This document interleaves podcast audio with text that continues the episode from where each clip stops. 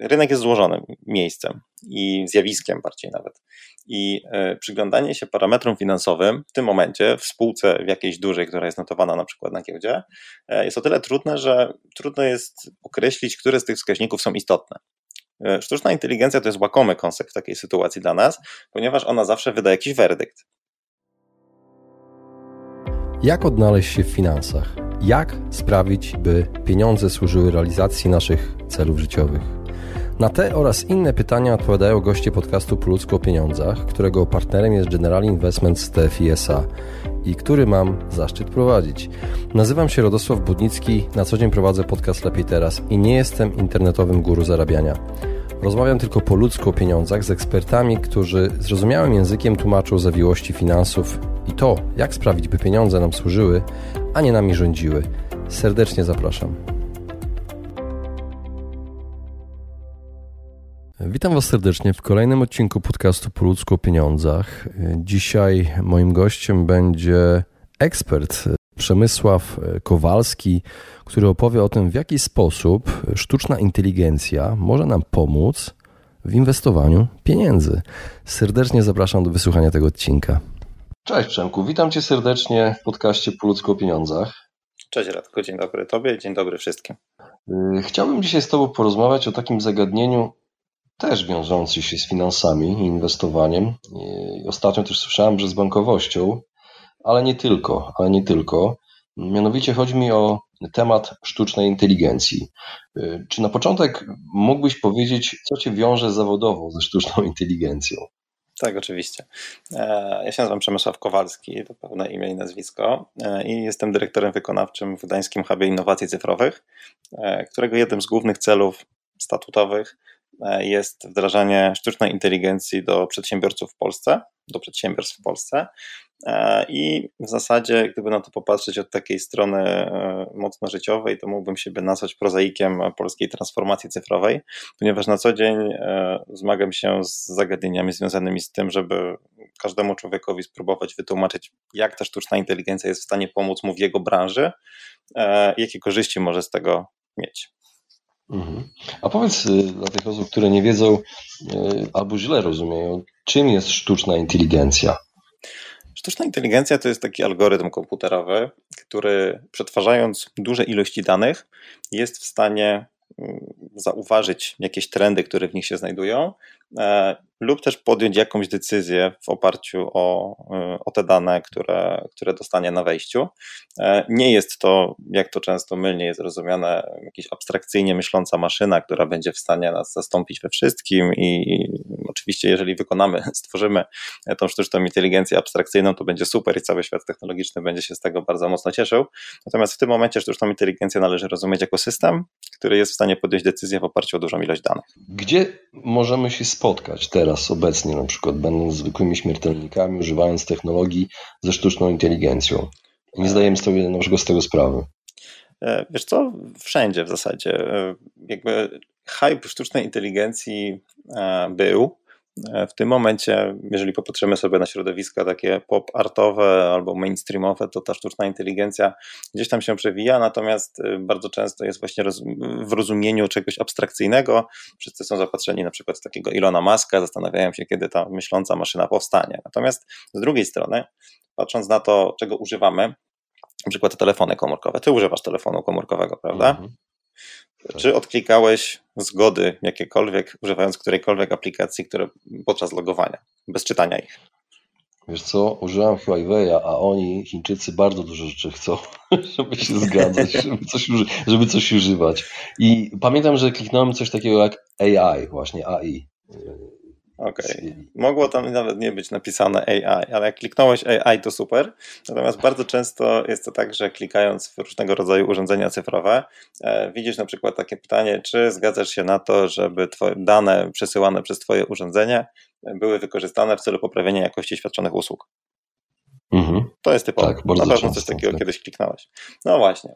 I teraz gdybyś sobie zobaczył, co się dzieje z tymi Twoimi danymi, i na przykład e, wcisnął literkę P, wyszukując coś na YouTubie e, i podpowiedziałoby ci się tam coś, o czym właśnie myślałeś w tym momencie, to nie jest to żaden magic, tylko jest to po prostu umiejętne wykorzystanie tych danych, na których przetwarzanie się zgodziły. Możesz mnie zapytać, jakie to są dane, tak? Ponieważ to jest y, najciekawsze tutaj. To są każde dane. To mogą być dane, które twój telefon słyszał e, swoim mikrofonem e, podczas twojej rozmowy z kimś, niekoniecznie telefonicznej. On może po prostu leżeć na stole, podczas gdy my rozmawiamy sobie teraz, na przykład o sztucznej inteligencji i twój telefon leży koło ciebie, tak jak mój leży obok mnie, to prawdopodobnie mój telefon też mi coś tam podpowie o AI, żebym sobie poczytał, jak ta rozmowa się skończy. E, to po pierwsze. Po drugie, telefon wie, Twój i mój, i mój YouTube też wie, e, jakiej muzyki słuchasz, jakim w ogóle jesteś człowiekiem, ile masz lat, gdzie ty mieszkasz, e, z kim rozmawiałeś ostatnio, z kim się komunikowałeś, e, w jakim jesteś humorze, jeżeli dodawałeś mudy do jakichś wiadomości facebookowych albo postów facebookowych, które wrzucałeś, co robisz profesjonalnie, bo masz LinkedIna, więc jesteś kłębkiem danych dla każdego jednego systemu sztucznej inteligencji. I teraz, jeżeli ty wciśniesz to P, to to, co pojawi się dalej, po P w wyszukiwarce YouTube'a, będzie wynikało z tych wszystkich trendów, które akurat algorytm YouTube'a w tym momencie przetwarza. E, I oczywiście, jak się można domyślać, im większy ten algorytm albo im więcej źródeł danych taki algorytm będzie posiadał, e, tym dokładniej albo precyzyjniej, trafniej może o to jest chyba lepsze słowo, będzie w stanie przewidzieć to, o co Radkowi Budnickiemu chodziło wtedy, kiedy klikał P w YouTube'a, żeby sobie coś tam znaleźć. Mhm. No, akurat wpisywałem ESO, bo szukałem nowej kamery Sony, a wcześniej czytałem na niej na Google, wiesz, że wyszukiwałem i kiedy wpisałem, chciałem zobaczyć jakiś y, tutorial na, na, na temat na YouTubie, to automatycznie pokazało mi to Sony ZV1. To jest niesamowite po prostu. Otóż to. Natomiast y, jakby z jednej strony wydaje się to bardzo takie mm, nieludzkie, a z drugiej strony jest to po prostu przykład tego, w jaki sposób maszyna przeglądająca bardzo dużo, bardzo, bardzo dużo różnego rodzaju danych, jest w stanie e, podjąć jakąś decyzję, e, może nawet nie podjąć decyzji, ale zobaczyć jakiś trend, którego my nie widzimy, ponieważ ty nawet byś się nie zastanawiał nad tym, żeby te wszystkie dane przetworzyć w swojej głowie. Nie? Nawet nie zdajesz sobie mhm. często sprawy ze swojego własnego cyfrowego footprintu, jaki zostawiasz e, gdzieś tam w sieci, który jest pożywką dla tego typu algorytmów. A znasz jakieś takie przykłady użycia poza właśnie wyszukiwaniem w internecie w Polsce na przykład, e, gdzie sztuczną inteligencję się stosuje, jakieś firmy stosują, tak żeby e, właśnie osoby fizyczne korzystały z dobrodziejstw sztucznej inteligencji? E, sztuczna inteligencja jest mocno szeroko używana. Mogę tutaj podać przykład pewnej firmy medycznej, która jako pierwsza chyba w Polsce tak bardzo szeroko wprowadziła bota, który z tobą rozmawia przez telefon. E, i każdy jeden e, taki engine text to speech albo speech to text, e, który mówi po prostu o przetwarzaniu tekstu w mowę i w drugą stronę, jest to taki model, który jest oparty oczywiście o sztuczną inteligencję, która w tym przypadku ma za zadanie po pierwsze rozpoznanie tego, co ty powiedziałeś, po drugie wymyślenie odpowiedzi w skatalogowanych zagadnieniach, które potencjalnie gdzieś tam się znajdują w jakiejś bazie danych, a po trzecie zwerbalizowanie tego i powiedzenie jakimś syntalkiem tego, co ty możesz robić. To jest jeden z przykładów.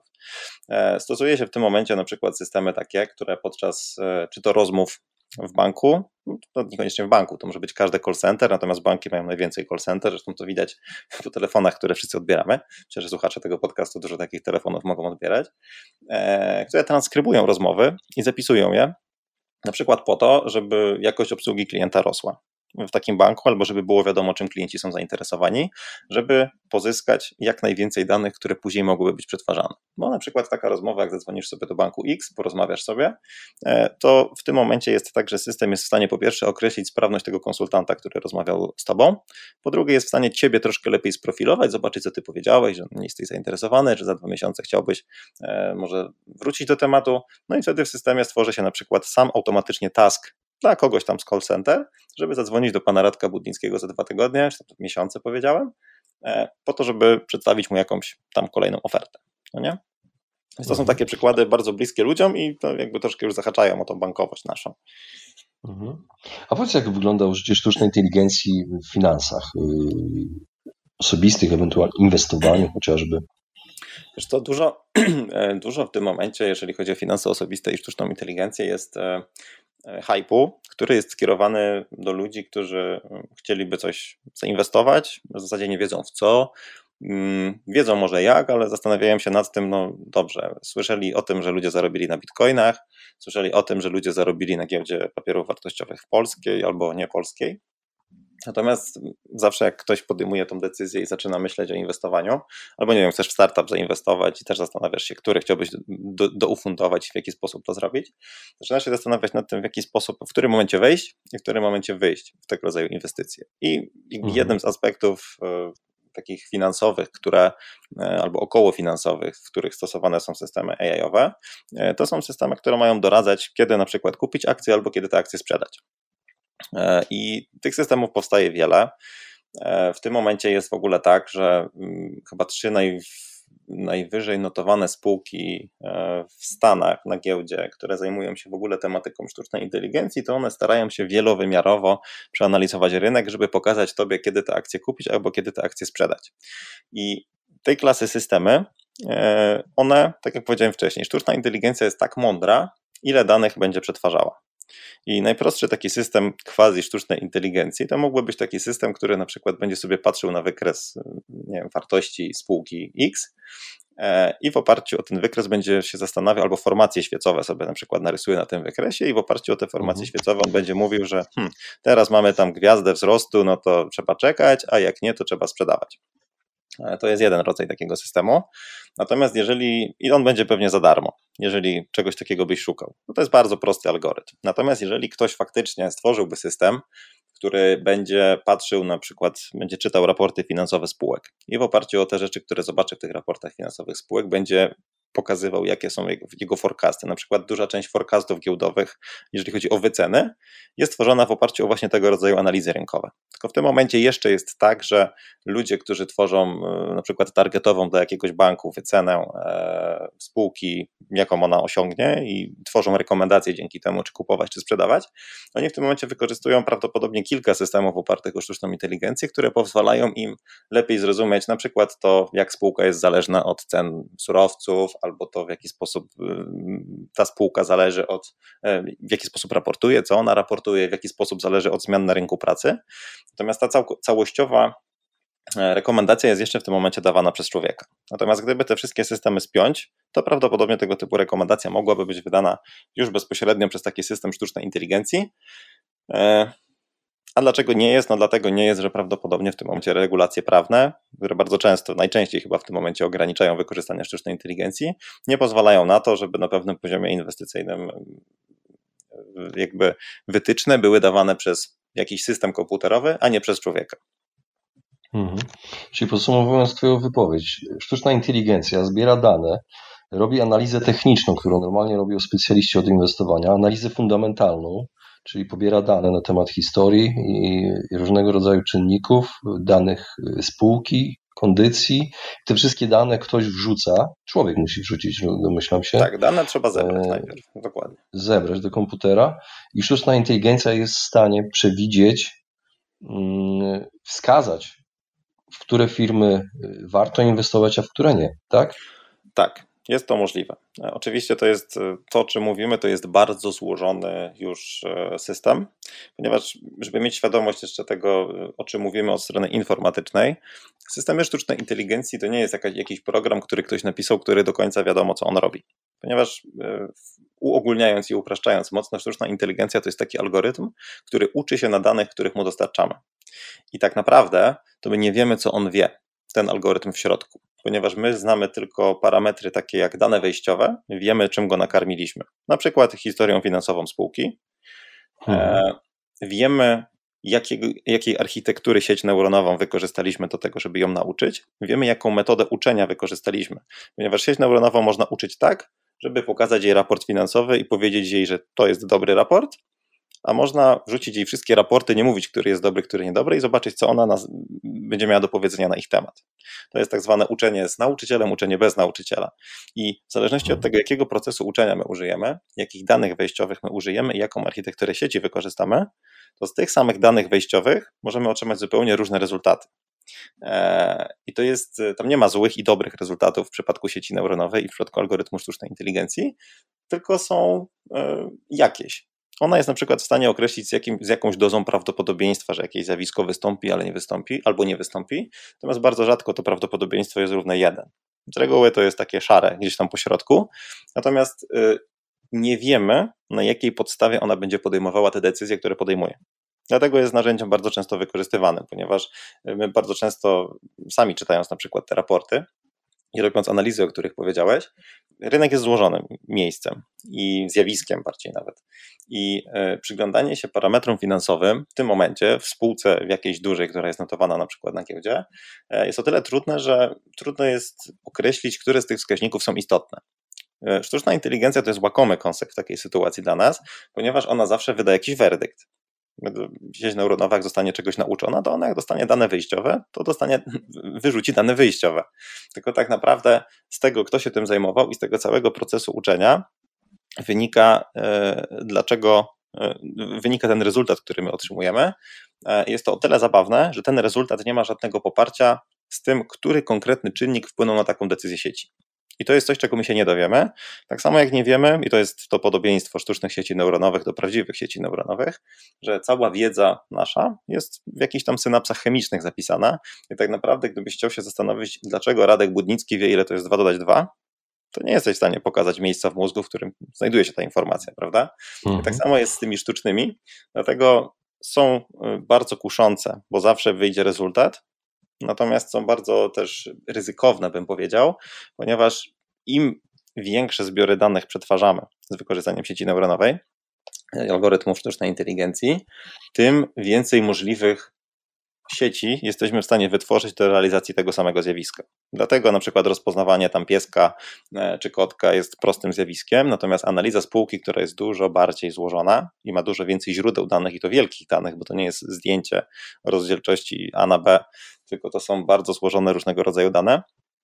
E, ta złożoność powoduje, że ta sieć ma dużo większe szanse, że się pomyli i dużo więcej pracy trzeba włożyć w to, żeby taką sieć stworzyć.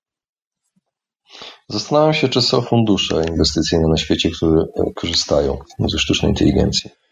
E, na pewno są e, fundusze inwestycyjne, które korzystają ze sztucznej inteligencji, natomiast pytanie, o jakim, o jakim zakresie myślisz? E, bo takich, które by używały algorytmu, żeby zdecydować, czy iść, czy nie iść w daną spółkę, to chyba jeszcze nie słyszałem, żeby był. A powiedz, czy według Ciebie automaty zastąpią doradców finansowych? E, myślałem o tym nawet ostatnio, ponieważ gdzieś tam e, w ramach moich działań e, doradzamy też finansowo, jeżeli chodzi o to, co firmy mogą zrobić z różnymi rzeczami. I patrząc na to z punktu widzenia takiego typowo procesowego, ja jestem inżynierem, więc mogę sobie patrzeć na to z punktu widzenia inżynierskiego, to praca doradcy finansowego, mm, mogę powiedzieć o doradcy i mogę powiedzieć o analityku. To są dwie osoby, które patrzą na te same papiery, I to jest w ogóle fajny przykład. E, oni, oni, patrzą na te same dokumenty, tylko doradca, na czym zależy doradcy finansowemu? Doradcy finansowemu najczęściej zależy na tym, żeby sprzedać. E, prawda? No bo jakby jego praca jest związana z tym, że trzeba w końcu sprzedać, czy to kredyt, czy to kartę kredytową, czy nie wiem, jakiś kredyt hipoteczny. Jemu zależy na tym, on jest bardziej po stronie klienta. Zgodzisz się ze mną. Tak? Mhm. No właśnie. A analityk to jest taki człowiek, któremu zależy na tym, żeby z punktu widzenia doradcy to jest człowiek, któremu zależy na tym, żeby nie sprzedać. E, z punktu widzenia banku to jest człowiek, który broni interesów banku, no ponieważ on jest bardziej jednak po stronie banku i bardziej będzie się przyglądał temu, e, czy faktycznie ten konkretny człowiek powinien otrzymać finansowanie na tą konkretną rzecz, czy on jest do tego zdolny. I zauważ, że jeden z tych ludzi i drugi z tych ludzi ocenia zdolność klienta do poniesienia jakiegoś tam albo do, do, do przyjęcia pieniędzy od banku, czyli do poniesienia ryzyka po stronie banku, że ten człowiek zostanie sfinansowany. E, I oni mają dwie różne perspektywy, a patrzą na te same dokumenty. Na, na dokładnie to samo patrzą. I teraz ja uważam, że praca analityka, bo analitycy są pragmatykami. I e, po ich stronie nie ma czegoś takiego, że oni się jak gdyby patrzą, wychodzą poza ten, na przykład jeżeli mówilibyśmy o kredycie, to oni nie wychodzą poza zakres tego wniosku kredytowego, bo ich to nie bardzo interesuje. Oni tego klienta nigdy nie widzieli, nigdy nie zobaczą. E, oni nie wiedzą, czy on ma dzieci, czy on nie ma dzieci. Jakby nie wychodzą ze swoją analizą poza zakres tego wniosku, który właśnie przeczytali. E, I na tej mhm. podstawie podejmują decyzję. I to jest bardzo proste do zautomatyzowania, e, ponieważ każde jedno pole tak naprawdę jest jakimś kryterium, czy tak, czy nie. Jeżeli wszędzie będzie tak i wszystko będzie się zgadzało, to takiego człowieka można puścić. Oczywiście. E, I tam uważam, że sztuczna inteligencja jest bardzo mm, nie wiem czy łatwa, ale y, wydaje mi się, że tego typu wdrożenie byłoby proste. Oczywiście jest duża ilość dokumentów, które podczas tego typu analizy trzeba przetworzyć, tak? No bo jeżeli to jest, nie wiem, kredyt hipoteczny, tam są jakieś akty notarialne, trzeba by przeczytać, zobaczyć, czy wszystko się zgadza, sprawdzić zgodność z oryginałem tego typu dokumentów, nie? Więc to, to są takie wyzwania ze strony technicznej, które ja widzę. Natomiast y, w ogólności da się to zrobić. Da się to zrobić. E, natomiast nie jest to specjalnie ciekawe, ponieważ to jest automatyzacja procesu jakiegoś, który już jest i tak semi-automatyczny, ponieważ jest sprawdzenie, kompletacja skompletowanych dokumentów, sprawdzenie pieczątek na dokumentach. To nie są jakieś zagadnienia, które jak myślisz o nich, to one nie są e, wymagające od strony takiej, że trzeba coś pokombinować. Z drugiej strony mamy tego doradcę. E, I w przypadku doradcy, jeżeli chodzi o sztuczną inteligencję, to wydaje mi się, że fajnie by było, gdyby niekoniecznie nawet sztuczna inteligencja zastąpiła doradców, ale żeby sztuczna inteligencja mogła pomagać doradcom, ponieważ jeżeli założymy sobie, że głównym celem doradcy będzie e, takie sprofilowanie produktu dla ciebie, żeby on był dobry. Bo tam generalnie rzecz biorąc, ja uważam, że w transakcji takiej, w której doradca pomaga komuś pozyskać, nie wiem, czy finansowanie, jakiś instrument finansowy, pomaga komuś zainwestować, to ważne jest to, żeby był win-win żeby wygrał jeden żeby wygrał drugi, bo tylko wtedy mhm. jest szansa na kolejny biznes i ogólnie rynek lubi chyba takie sytuacje. E, I jeżeli mówimy o tego typu przypadku, to doradca e, całym sobą stara się pozyskać jak najwięcej informacji o tym kliencie, żeby zrozumieć, co on, e, co on jest, co on jest, kim on jest i co mu sprzedać mhm. i jak. I mamy ograniczone możliwości poznawcze, jeżeli chodzi o sprofilowanie człowieka.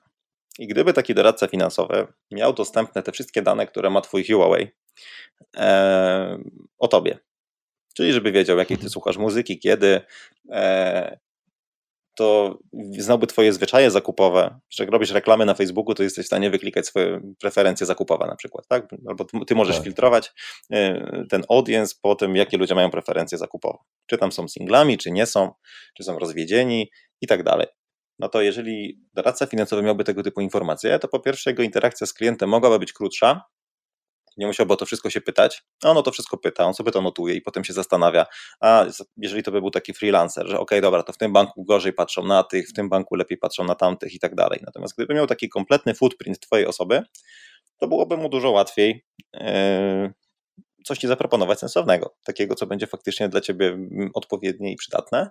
I z tej perspektywy E, no można by uznać, że sztuczna inteligencja bardzo by się przydała w świecie doradców finansowych. Hmm, oczywiście trudno byłoby stworzyć taki system i on może kiedyś powstanie, ale nie sądzę, żeby to było szybko, e, który będzie doradzał takie produkty profilowane dla kogoś. Natomiast e, globalnie. Natomiast nawet w tym momencie, jeżeli zalogujesz się do jakiegoś swojego banku i zobaczysz, że tam ktoś policzył, że ty się nadajesz na pożyczkę 40 tysięcy złotych od ręki bez papierów, to bardzo możliwe, że jakiś algorytm sztucznej inteligencji wcześniej przyglądał się Twojej historii kredytowej, przyglądał się temu, co Ty masz na koncie w tym banku, może się przyglądał temu, co Ty masz na koncie w innych bankach e, i zdecydował, że ten człowiek będzie wypłacalny, mhm. jeżeli chodzi o pozyskanie tego typu instrumentu finansowego. E, Przemku, powoli zbliżamy się do końca. Na koniec chciałbym zadać Ci pytanie podchwytliwe. Czy Ty dałbyś swoje pieniądze sztucznej inteligencji w zarządzanie? Czy ja dałbym pieniądze w zarządzanie? Dałbym. Dałbym pieniądze. Po pierwsze, dlatego, że ja jestem jednak e, techniczny i bardzo ciekawe byłoby dla mnie to, e, co się z tymi pieniędzmi by wydarzyło. Natomiast e, pytanie, co to znaczy oddać sztucznej inteligencji w zarządzanie? Jeżeli powiem Ci może, jakie kryteria bym zastosował, żeby podjąć tą decyzję, bo to chyba może się najbardziej przydać też słuchaczom. Zastanowiłbym się mhm. po pierwsze, co to znaczy zarządzanie i w jakim kontekście ten system miałby tymi moimi pieniędzmi zarządzać. Jeżeli mówimy o inwestowaniu w startupy, na przykład, albo profilowaniu startupów, albo w giełdę, albo w kryptowaluty, to główną rzeczą, na którą bym popatrzył, jest to, jakich danych wejściowych używałby ten system. Czyli na czym są oparte te dane. I w zasadzie, jeżeli rozmawiałbym z kimś, kto tą sztuczną inteligencję próbuje mi sprzedać albo udostępnić w jakiś sposób, to pierwsze pytanie, które bym zadał, to by było takie, na jakich danych to jest oparte i to by było chyba jedyne kryterium, które bym podjął w takiej, y, którego bym użył w tej sytuacji, ponieważ uważam, że jeżeli te dane byłyby mm, zbieżne z tym, co ja sam myślę o rynku, prawda, e, no to wtedy stosunkowo łatwo byłoby mi podjąć taką decyzję, żeby dać, e, dać AI-owi pozarządzać tymi moimi pieniędzmi i zobaczyć, co z nimi się wydarzy. Mhm. Natomiast jeżeli te dane, i, i, i gdybym myślał o tych danych w takim kontekście, to byłyby to dane właśnie jakieś takie makroskopowe bardzo, związane z ogólnie trendami na rynku i patrzeniem tego, w jaki sposób konkretna spółka albo konkretne aktywo, w które ja chcę zainwestować, wpisuje się w ten obraz rynku i jak wyglądają zależności tej firmy lub jednostki jakiejś e, z tym rynkiem. bo jeżeli to by było wystarczająco szerokie, tak żebym ja na przykład nie musiał się martwić, ojejku, zaciął się statek w kanale sueskim, czy mój algorytm sztucznej inteligencji w ogóle wziął to pod uwagę w inwestowaniu, co się może teraz wydarzyć na świecie, bo mhm. logistyka podrożeje, e, no to byłoby mi nie chciałbym się o to martwić. Natomiast jeżeli faktycznie zasięg tych danych e, naszego e, systemu wchodziłby w te konkretne obszary, to wtedy wydaje mi się, że nie miałbym z żadnego problemu jakby ostatnie zdanie, które chciałbym tutaj powiedzieć y, w odpowiedzi na to Twoje pytanie, jest takie, że y, przykład tego statku w ogóle y, z kanału obrazuje, dlaczego my w tym momencie jeszcze tak średnio możemy bezgranicznie ufać tej naszej sztucznej inteligencji, ponieważ nie wiem, czy ktoś w tego typu algorytmach, o którym ja powiedziałem przed chwilą, albo systemach, e, próbował dołożyć informacje właśnie o takich newsach, jak na przykład to, że coś się stało ze statkiem. Ponieważ jeżeli Czarny system... łabędź to się nazywa, czarny łabędź u Taleba. Tak, więc wiesz, jeżeli... Nassim Taleb napisał właśnie o takich wydarzeniach, y, które tak. są nieprzewidywalne. No więc jeżeli mamy takie wydarzenie nieprzewidywalne, a nasz system nie używa wszystkich danych świata, tylko używa jakiegoś zawężonego zbioru danych i w oparciu o nie podejmuje swoje decyzje, to może się okazać, że no niestety, ale w tym konkretnym przypadku zawiedzie. Nie wiem, czy będzie w tym lepszy czy gorszy od naszych własnych decyzji, bo nikt chyba nie przewidział tego statku, że on tam się zaklinuje i, i reakcje były bardzo różne. Myślę, wydaje, że więcej jednak osób straciło niż zyskało przez, przez to wydarzenie przynajmniej krótkoterminowo, bo long term to chyba wszystko powoli wraca do normy. Natomiast to jest taki przykład i taki haczyk troszkę, jeżeli chodzi o AI, że jednak niekoniecznie zastąpi nas w sytuacjach takich mocno e, nieprzewidzianych jak ta. Mhm. Super, Przemku. Y, myślę, że będą pytania y, słuchaczy. Mam nadzieję, że będziesz mógł udzielić takich odpowiedzi. Jeżeli, są, jeżeli będziecie, moi drodzy, mieli jakieś pytania do Przemka, możecie pisać je na fanpage'u po ludzko pieniądzach y, pod postem z tym odcinkiem. Także mam nadzieję, że odpowiesz na pytania moich słuchaczy. Oczywiście, z przyjemnością. Wydaje mi się, że jest to bardzo ciekawy temat dla każdej osoby, która, myślę, jak większość e, słuchaczy e, Twojego Radku podcastu, chciałaby dbać o swoje finanse, natomiast niekoniecznie ma bardzo dużo czasu na to, żeby się nad tym zastanawiać w kółko. Super. Dziękuję Ci bardzo za rozmowę. Dzięki również. Właśnie wysłuchaliście podcastu Po ludzku o pieniądzach. Mam nadzieję, że Wam się podobało. Jeśli tak, poświęćcie swój czas, proszę pozostawić swoją recenzję na Apple Podcast. Jeżeli macie pytania lub propozycje dotyczące kolejnych audycji, piszcie do mnie na fanpage'u Po ludzku o pieniądzach i do usłyszenia następnym razem. Pozdrawiam serdecznie.